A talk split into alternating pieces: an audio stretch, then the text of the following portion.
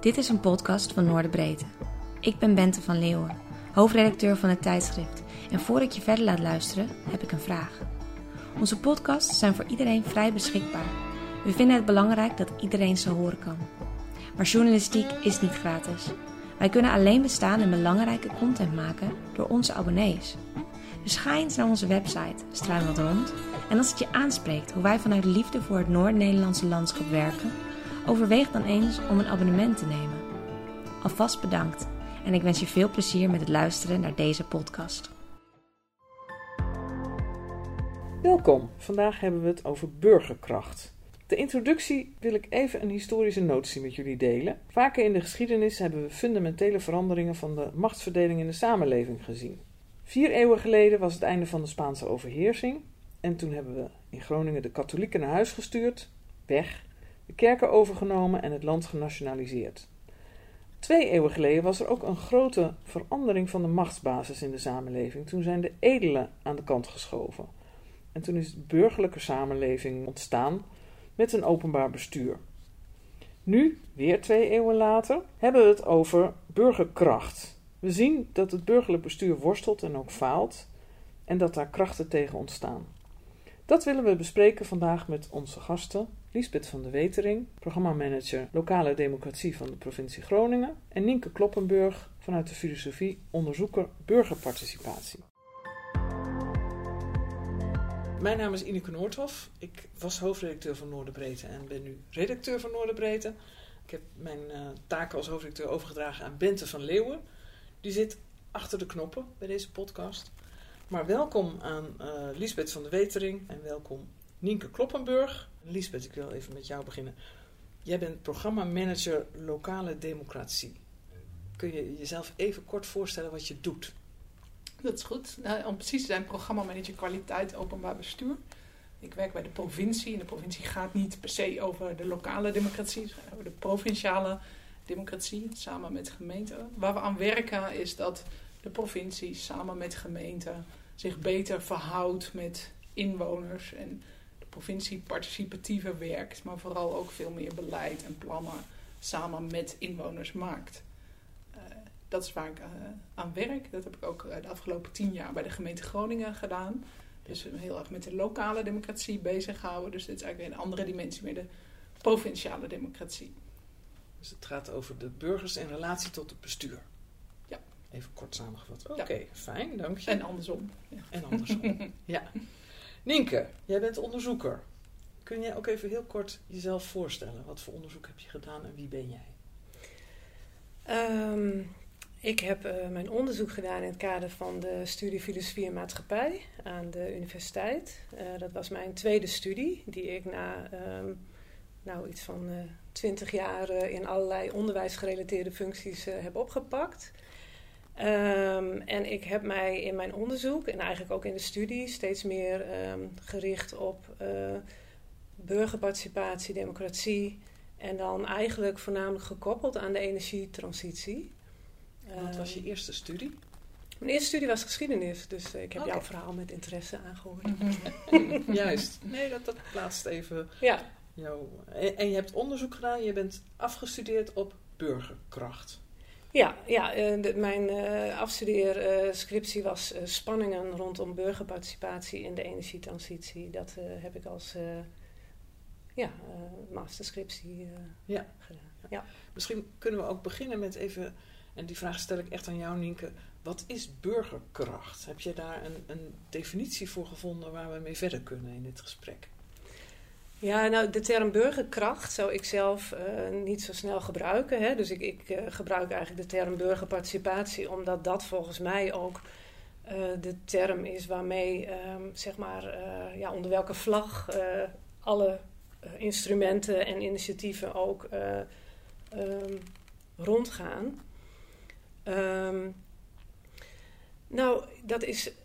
Het was voor mij altijd uh, een manier waarop uh, zeg maar burgers zeggenschap hebben binnen een democratie. Hè? Dat, zo, zo keek ik er eigenlijk altijd naar.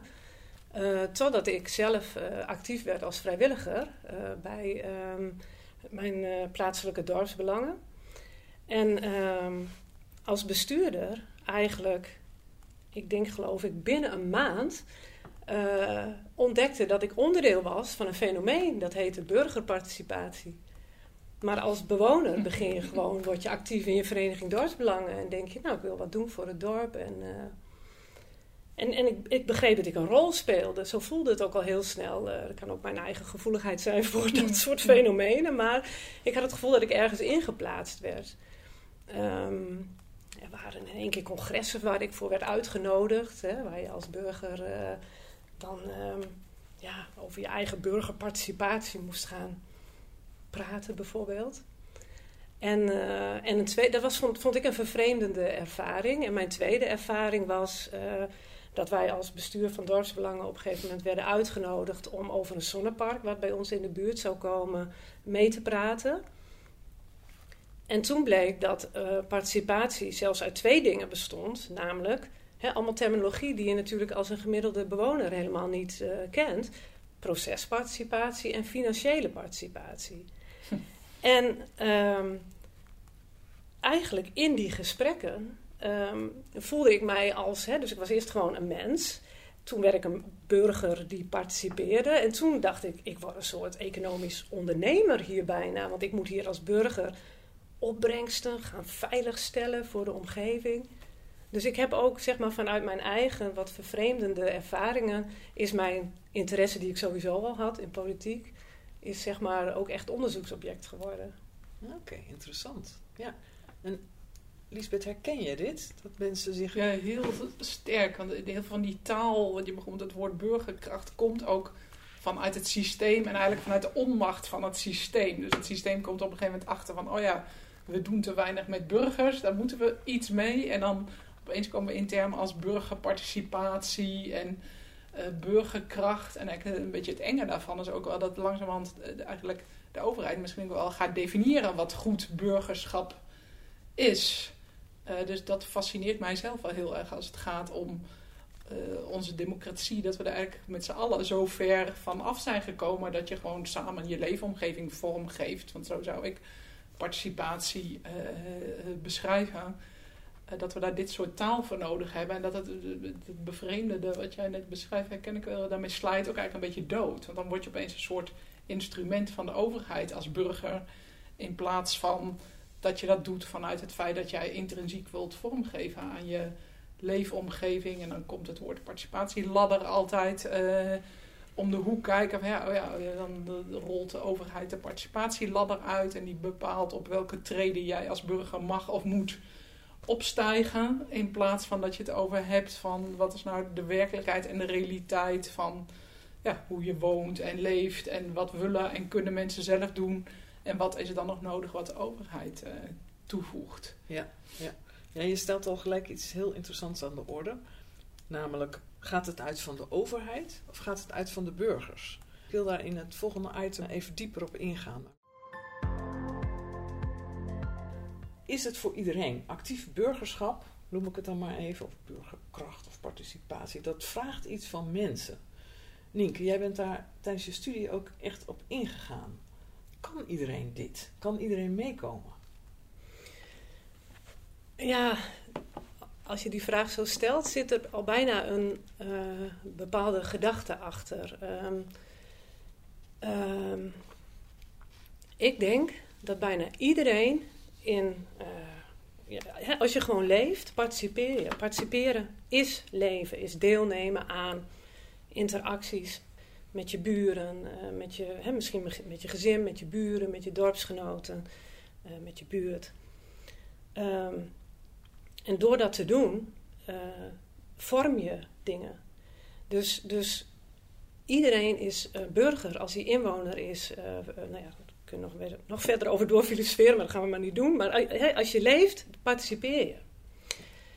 En ja, wat is dan actief burgerschap? Daar zit al een bepaalde gedachte achter, lijkt het, wat dat dan zou moeten zijn. Maar als je zegt, kan iedereen meedoen in allerlei trajecten die worden georganiseerd, waarbij je um, als burger een bepaalde invloed mag uitoefenen, nou ja, dan kan het nog wel eens verschillen. Want vaak is daar tijd voor nodig. Er is vaak, uh, heb je die tijd? Hè? Op welk tijdstip plant een overheid een bepaalde bijeenkomst.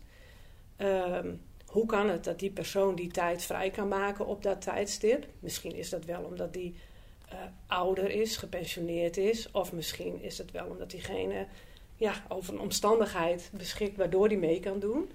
En voelt diegene zichzelf capabel om mee te doen?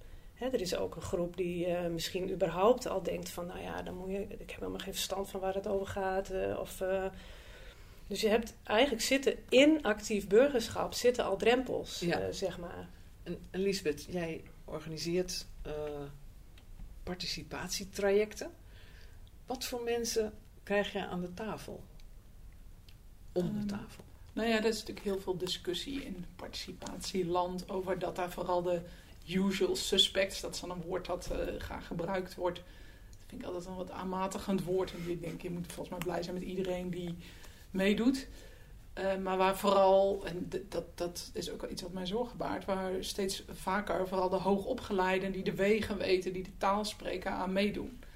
Ehm, en eh, ik denk de zorg die we met elkaar moeten hebben is dat we onze democratie zo ingewikkeld hebben gemaakt, dat daar vooral ook nog de hoogopgeleiden aan mee kunnen doen. Jij schetste net al, Nienke, van hey, je komt in zo'n avond en dan opeens moet je iets snappen over financiële participatie. En nou, ik denk dat heel veel mensen dan meteen al eh, afhaken. Ehm, en dat is ook omdat we participatie vaak als overheid organiseren op een manier. En dat doen we ook met mensen die zelf hoog opgeleid zijn en die bedenken manieren die, waar ze zelf eigenlijk naartoe zouden gaan. Eh, Ja. en denken minder na van waar zijn mensen en waar zouden we naartoe kunnen gaan. Dus eigenlijk, als je het zo benadert, is het ook best wel elitair. Als het bestuur het organiseert, is het gauw elitair. Nou, niet, niet, niet per se, denk ik. Eh, Nee? Want ik, ik denk dat alle gemeenten en provincies en, en organisaties hun stinkende best doen om meer en andere mensen te bereiken. En ik denk dat er heel veel mooie voorbeelden zijn waar dat echt lukt. Dus ik ben daar niet.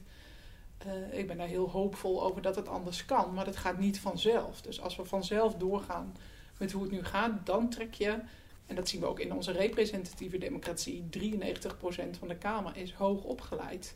Dat, dat zegt iets over hoe we ons systeem hebben georganiseerd. Misschien is dan de betere vraag aan Nienke: is het erg als niet iedereen meedoet?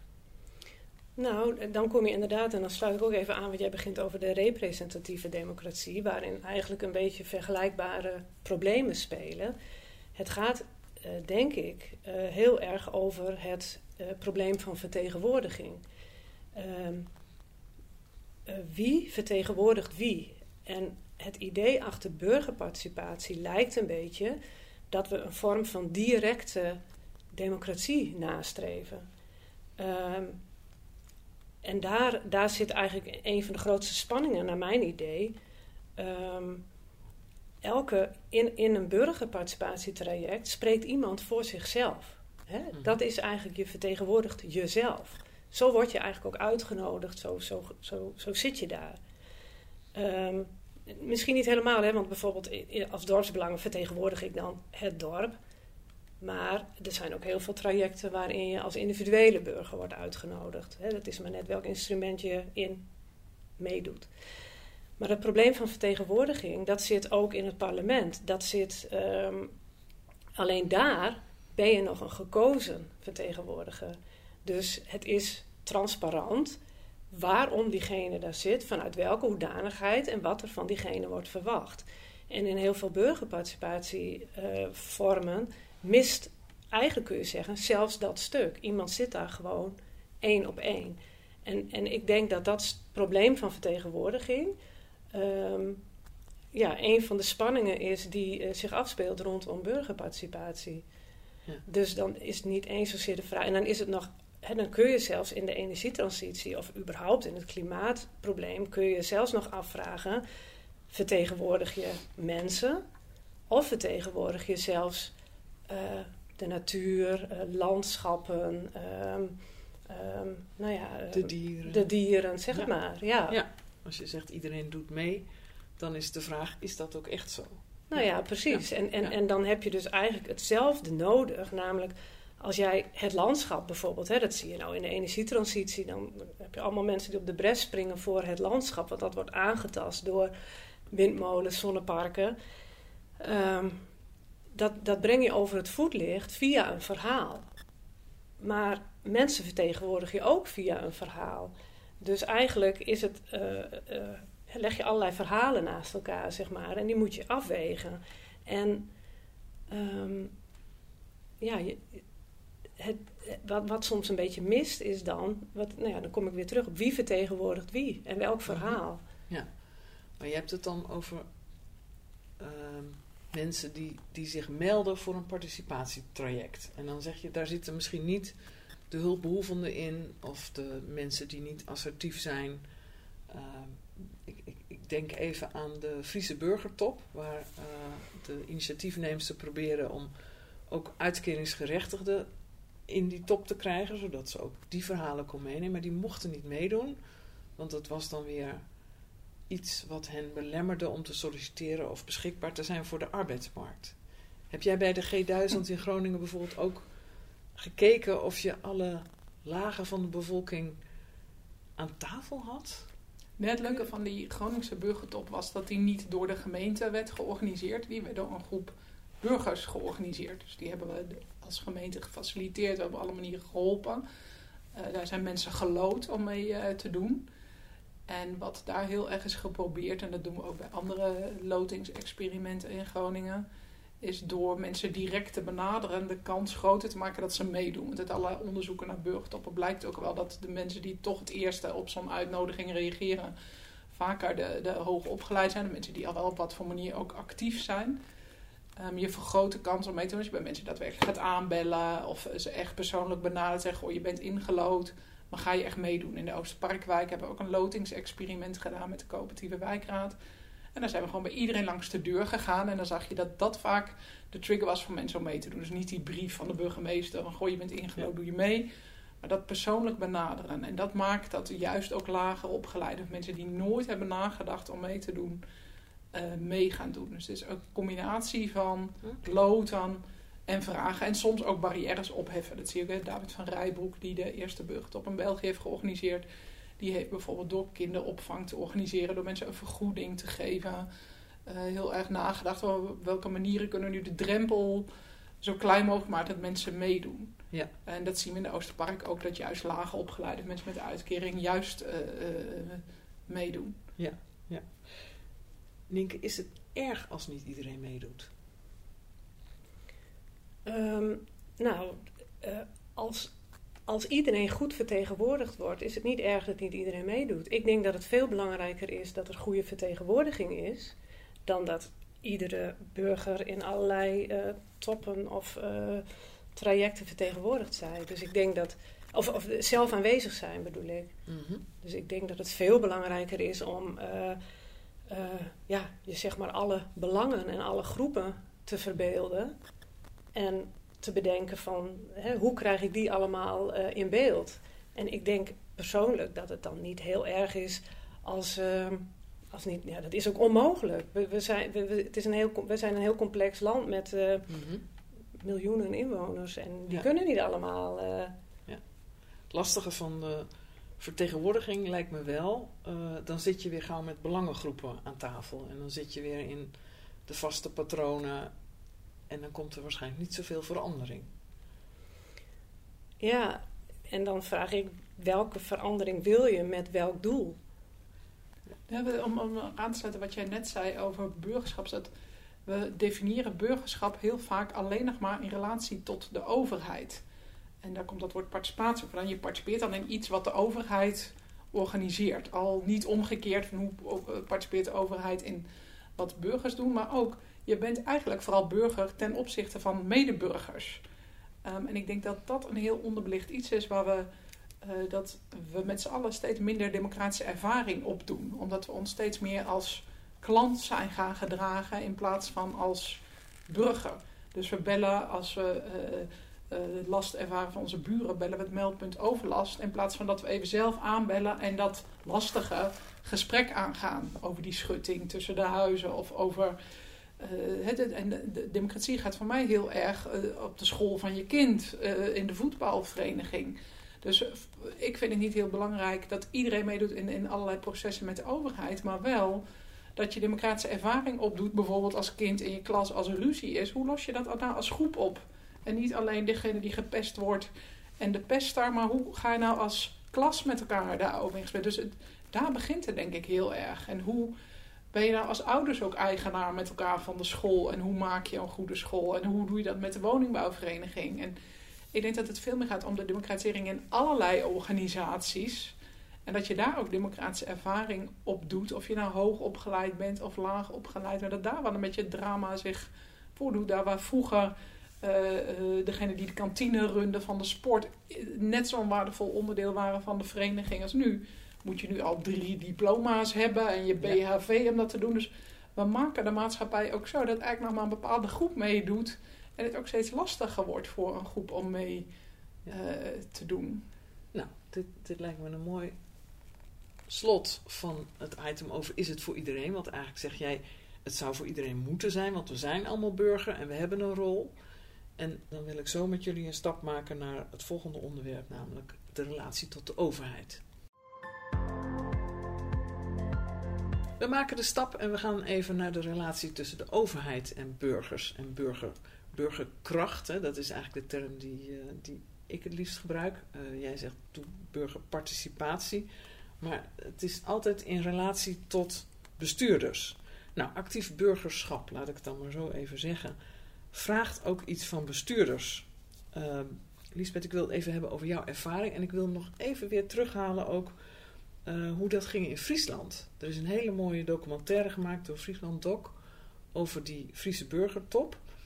En uh, de initiatiefneemster, Rianne Bauma, die, uh, die laat heel goed zien hoe ze met een groep burgers komt tot, nou, wat zou nou ons geluk en onze balans met elkaar tot elkaar vergroten. Dan komen ze met hele mooie, puntige wensen. Dat dragen ze over aan de provincie. En dan zegt de provinciebestuurder: Dat doen we allemaal al. Dan zie je ook Rianne Bauma ongeveer in tranen uitbarsten. Uh, en die beschouwt dan haar boodschap als niet geland. Uh, je hebt ervaring met nou, mensen die bedenken hoe hun leefwereld verbeteren kan. Heb je ook ervaring met hoe bestuurders daarmee omgaan? Ja, het is wel leuk om de parallel te trekken met wat er gebeurde na de, de stad Groningse burgertop. Uh, eigenlijk datzelfde moment wat je net schetst in Friesland, dat gebeurde hier iets anders. Ik herinner me nog heel goed in de nazit van die dag. Was een warme zaterdag in juni. Aan het eind van die dag was er een top 10 agenda uitgerold. Uh, nou, uitgerold. Er kwam voort uit het, alle gesprekken die die dag waren gevoerd. En er kwamen tien belangrijkste onderwerpen. En dat waren echt grote onderwerpen. Op nummer 1 stond het basisinkomen. Op 2 uh, en 3 iets van ecologische hoofdstructuur van de stad. En nou echt grote onderwerpen, niet kleine dingetjes. Hè. Er wordt vaak gezegd, oh, die wipkippen en speeltuinen. Nee, echt grote wezenlijke dingen.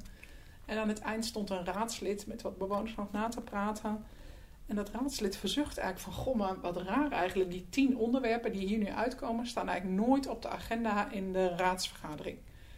Um, dus wat in Friesland was, ja, dat doen we allemaal al. En misschien dachten een heleboel bestuurders, politie die er aanwezig waren ook wel van, ja, we zijn al met al die dingen bezig. Maar ik werd geconcludeerd, die staan gewoon, daar praten wij niet met elkaar over. En om dan het bruggetje te maken met representatie, waar we het net over hadden, dat geeft dus ook iets aan dat wat in de samenleving leeft en het gesprek is van de dag, dat dat niet per se het gesprek op het stadhuis is. En ik denk dat daar een grote zorg moet zitten voor bestuurders. Van weten wij eigenlijk nog goed wat onder mensen leeft? En de gemeenten zijn absoluut met superbelangrijke dingen bezig die nuttig zijn. Maar zijn ook met een heleboel dingen niet bezig die wel voor inwoners belangrijk zijn. Of zijn met dingen bezig in zo'n andere taal en op zo'n andere manier dat mensen helemaal niet meer herkennen dat het eigenlijk over hetzelfde gaat waar zij het over hebben. En daar zit voor mij heel erg het probleem van de representatie en de opdracht voor het bestuur om nou, zich beter te verhouden uh, en veel meer uh, vanuit het, uh, het samenleven en midden met je poot in de klei staan, weten wat daar speelt en dat naar de politieke agenda brengen.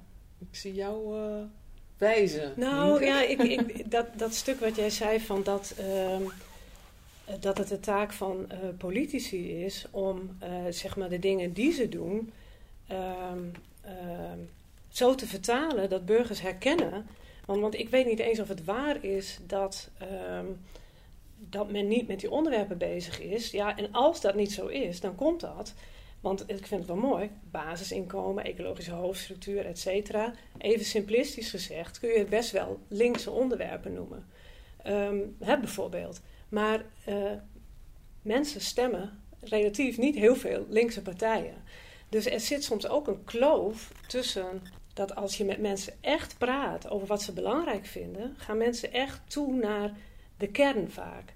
Ja, Jacques Wallager zegt dat zo heel mooi altijd, en misschien dat ook al waar je naartoe wilde, uh, de politiek heeft de democratie gejat. Um, dus door het politiek te maken en in bepaalde taal en op een bepaalde manier en het spel daaromheen wordt op een gegeven moment zo belangrijk dat eigenlijk ja, wat er echt leven en het gesprek tussen mensen onderling, dat dat weg uh, ja, verdwijnt. Maar het is ook de wisselwerking volgens mij. Want het is ook, hè, jij noemt het net, een burger is een soort eh, consument geworden. Um, ja, dat, dat, is een wisselwerking. Hè. Dat kun je de burger niet kwalijk nemen, dat kun je de overheid niet 100% kwalijk nemen. Dat is een wisselwerking. En zo zit dat ook uh, met dit soort dingen, denk ik. Um, uh, hey, mensen weten zelf, die reageren op één issue bijvoorbeeld. Hè. Bijvoorbeeld, ik wil niet te veel belastingen betalen. Hè, dat is een soort reflex bijvoorbeeld. Terwijl als je erover doorpraat, dat je met belastingen je collectieve systeem uh, um, in stand houdt, allerlei goede voorzieningen, dan wordt de beleving om belasting te betalen anders. En ik denk dat er heel vaak dat gesprek, en daarom, kijk, dat gedeelte van burgerparticipatie, of in ieder geval burgerbetrokkenheid, um, daar zie ik wel heel veel voordelen in. En dat zie je vaak ook aan de reflecties op dat soort toppen van de G1000. Dat mensen wel heel positief zijn over het in gesprek met elkaar gaan aan zich.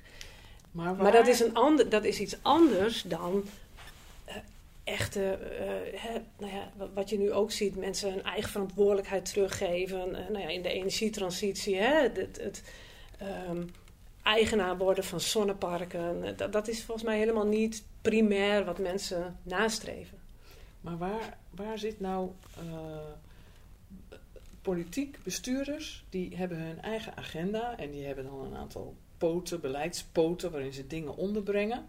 En waarom zijn ze nou niet makkelijk bereid om dat te richten naar wat burgers willen?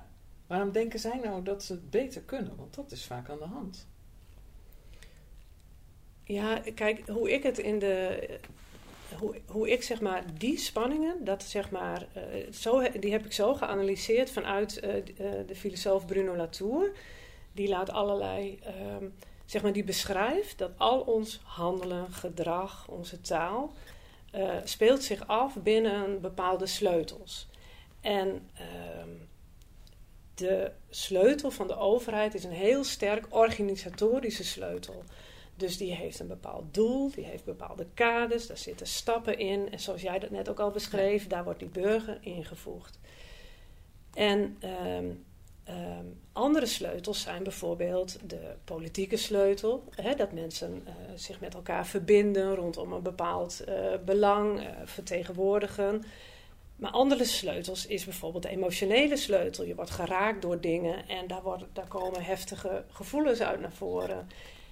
De juridische sleutel is bijvoorbeeld dat je toetst of dingen wel formeel aan bepaalde dingen voldoen. Wat er vaak gebeurt is dat al die sleutels spelen altijd een rol. Uh, maar op het moment dat de spanningen ontstaan, botsen er vaak, gaan die ja, bestaansvormen eigenlijk gaan met elkaar botsen. En het lijkt wel alsof in burgerparticipatie de organisatorische sleutel dominant is. Die wordt als het ware opgelegd, waardoor er geen ruimte is voor politieke, emotionele of morele um, ja, vormen, ja. zeg maar. En um, daar ontstaan, ja, maar die spanningen doen zich altijd voor. Zeg nou, maar. misschien kunnen we het concreet maken als het gaat over de aardbevingsproblematiek. Ja. dat, dat, de Groningers met aardbevingsschade zijn het vertrouwen in uh, bestuur behoorlijk kwijt. Uh, je ziet dat daar uh, hard gewerkt wordt en dat er geld komt voor een betere toekomst. Daar mogen burgers over beslissen. Daar wordt zelfs een uh, touwkomst, een heel website voor opgezet. Mensen mogen weer met ideeën komen. Er wordt een panel gelood die mag kiezen welke ideeën uitgevoerd worden. En dan is het zover. En dan gaan de bestuurders dat inpassen in hun bestuur. Ik denk, hebben ze het nou niet begrepen? Of heb ik het niet begrepen? Het is misschien iets te, te, eh, de- hoe de touwkomst, want daar doe je op Ja. eh, in elkaar zit. Dat, het touwkomst gaat niet over de versterking en de oplossing van de aardbevingsschade. De touwkomst is een grote eh, pot geld waarvan gezegd is, daar gaan we samen met inwoners eh, richting aan eh, geven. En dat wordt met een geloodpanel gaan. Dus er zitten allerlei mitsen en maren omheen. En daar is ook veel van te zeggen wat daar goed en niet goed aan ging. Wat ik mooi vond aan touwkomst. Dus touwkomst was ook niet een poging om alle ellende rond het aardbevingsdossier net niet te kunnen oplossen van alles rond de woningen Nee, op te nee, lossen. Touwkomst ging heel erg over de, de Groningen leefbaarheid. vooruit. Hoe de- kun je Groningen vooruit helpen? En wat willen burgers? En als je dat vraagt aan de burgers, denk dan moet je dat toch één op één ook doen. Ja. En toch zie je dat het bestuur dan het allemaal wel weer in die pootjes wil persen.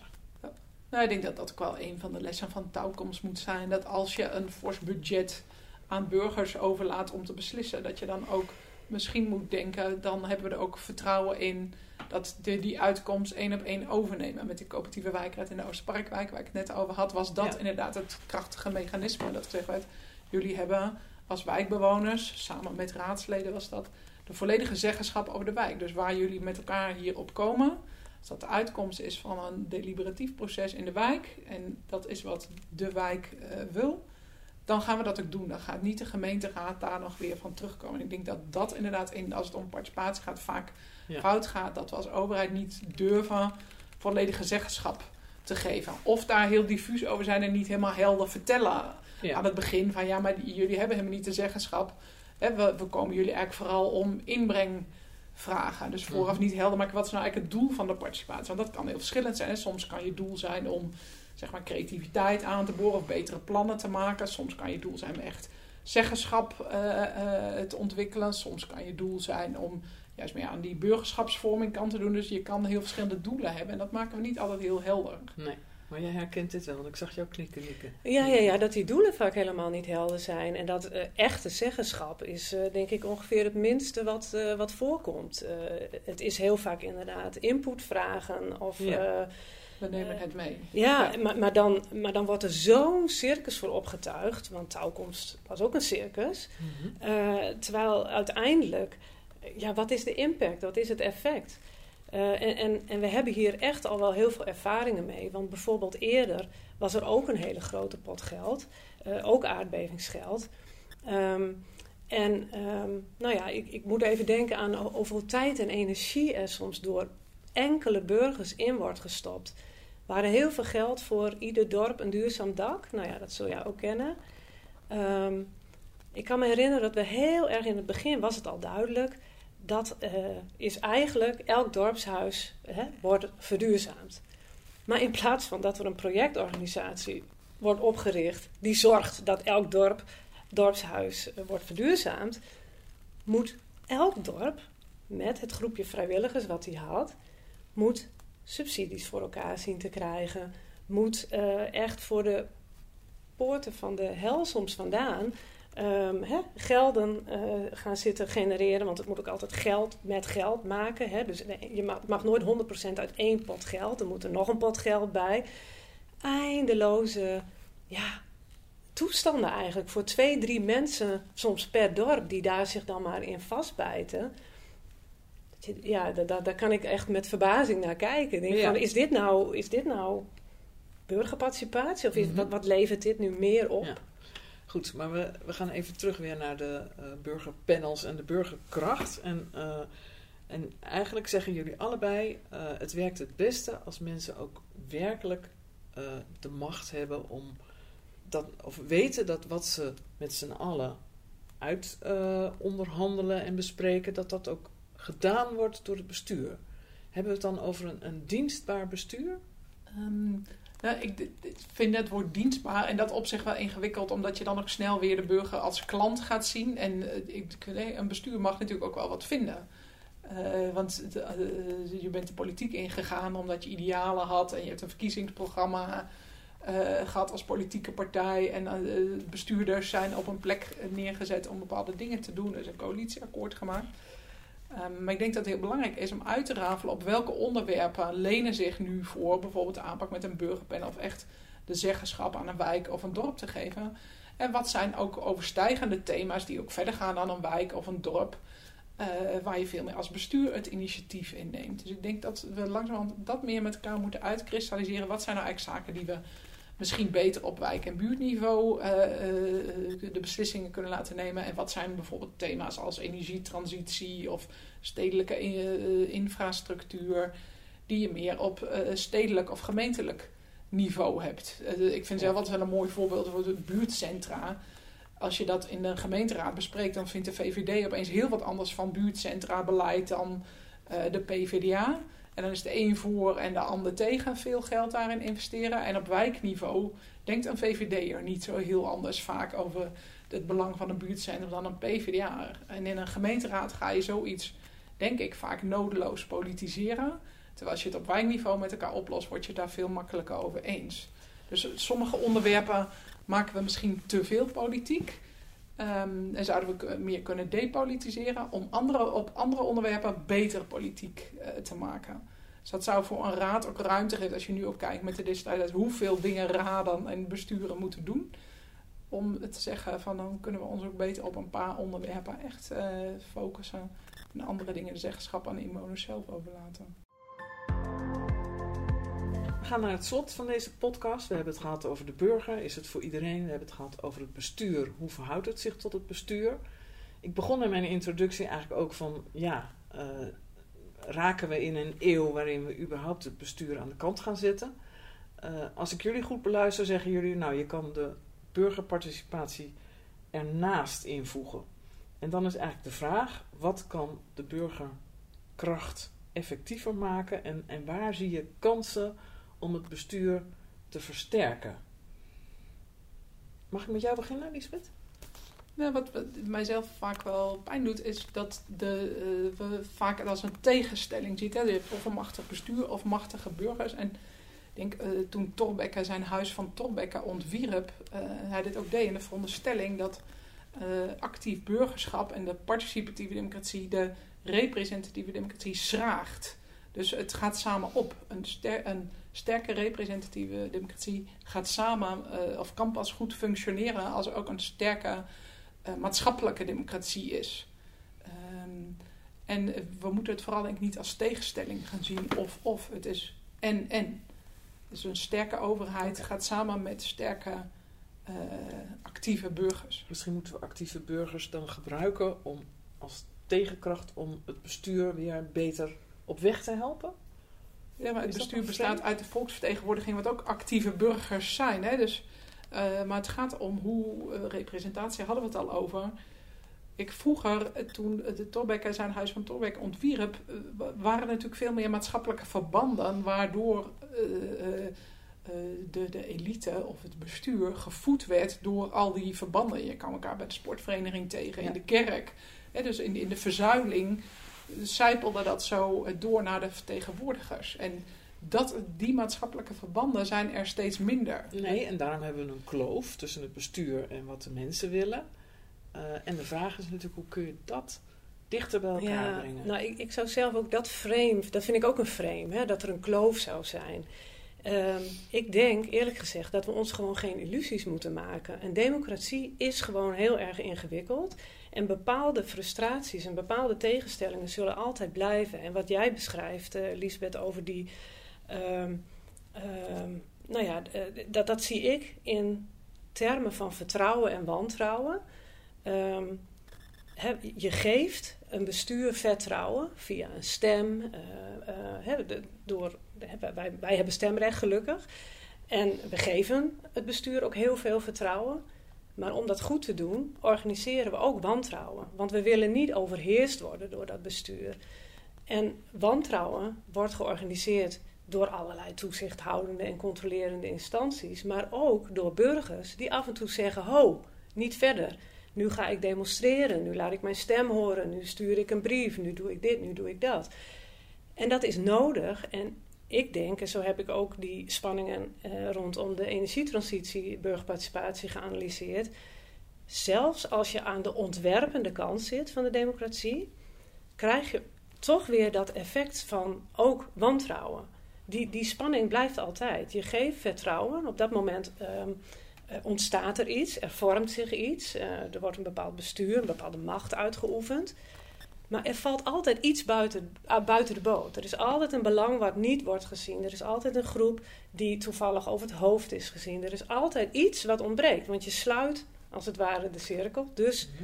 stoot je ook dingen af. Maar En dat laat zich weer horen. En dat, en jij, jij ziet dan burgerparticipatie als een manier om het vertrouwen ook groter te maken. Nee, burgerparticipatie zit aan beide kanten. Je hebt burgerparticipatie aan de kant van het vertrouwen. En dan eh, heb je bijvoorbeeld een panel die mag meedenken of een, een, een Mhm. touwkomst daarin. Je. Maar je hebt ook burgerparticipatie aan de kant van het wantrouwen. En dat is even belangrijk en even legitiem. En heel vaak wordt burgerparticipatie ook... Hè, als je het vreemd in die kant van de kloof... dan is het alsof de burgers de, de, alleen maar de tegenmacht zijn... Mhm. En, dat geluid alleen maar laten horen. En dat moet dan, daar moet iets mee gedaan worden, want het is niet goed. Als, hè, als er te veel onrust is, is het niet goed. Maar eh, ik denk dat je als je er wat meer naar kijkt, naar dat dat systeem dat van vertrouwen en wantrouwen gewoon inherent is aan democratie. Dat je er ook wat minder hoog opgeklopt, eh, maar ook wat minder angstig in hoeft te staan. Dus dat je gewoon erkent van die beide mechanismen die horen bij een democratie. Dus jij zegt eigenlijk, eh, eh, burgerparticipatie kan helpen om het bestuur sterker te maken, maar het kan ook helpen om burgers zelf weer meer eh, regie te geven over hun eigen leven. Om ook daardoor met meer vertrouwen met elkaar om te gaan en in de samenleving te staan. Nou ja, het hoort, ja, het hoort er allebei bij. Dus, dus hè, burgerparticipatie kan een hele sterke eh, rol spelen door ze inderdaad eh, meer ja, eh, een duidelijker plek te geven in die bestuurskant. Hè.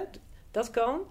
Maar tegelijkertijd ehm, is het ook gewoon heel belangrijk om naar die ja, wat meer kritische, emotionele uitingen van burgerparticipatie eh, te luisteren. En daar ook niet te angstig voor te zijn en die gewoon mee te.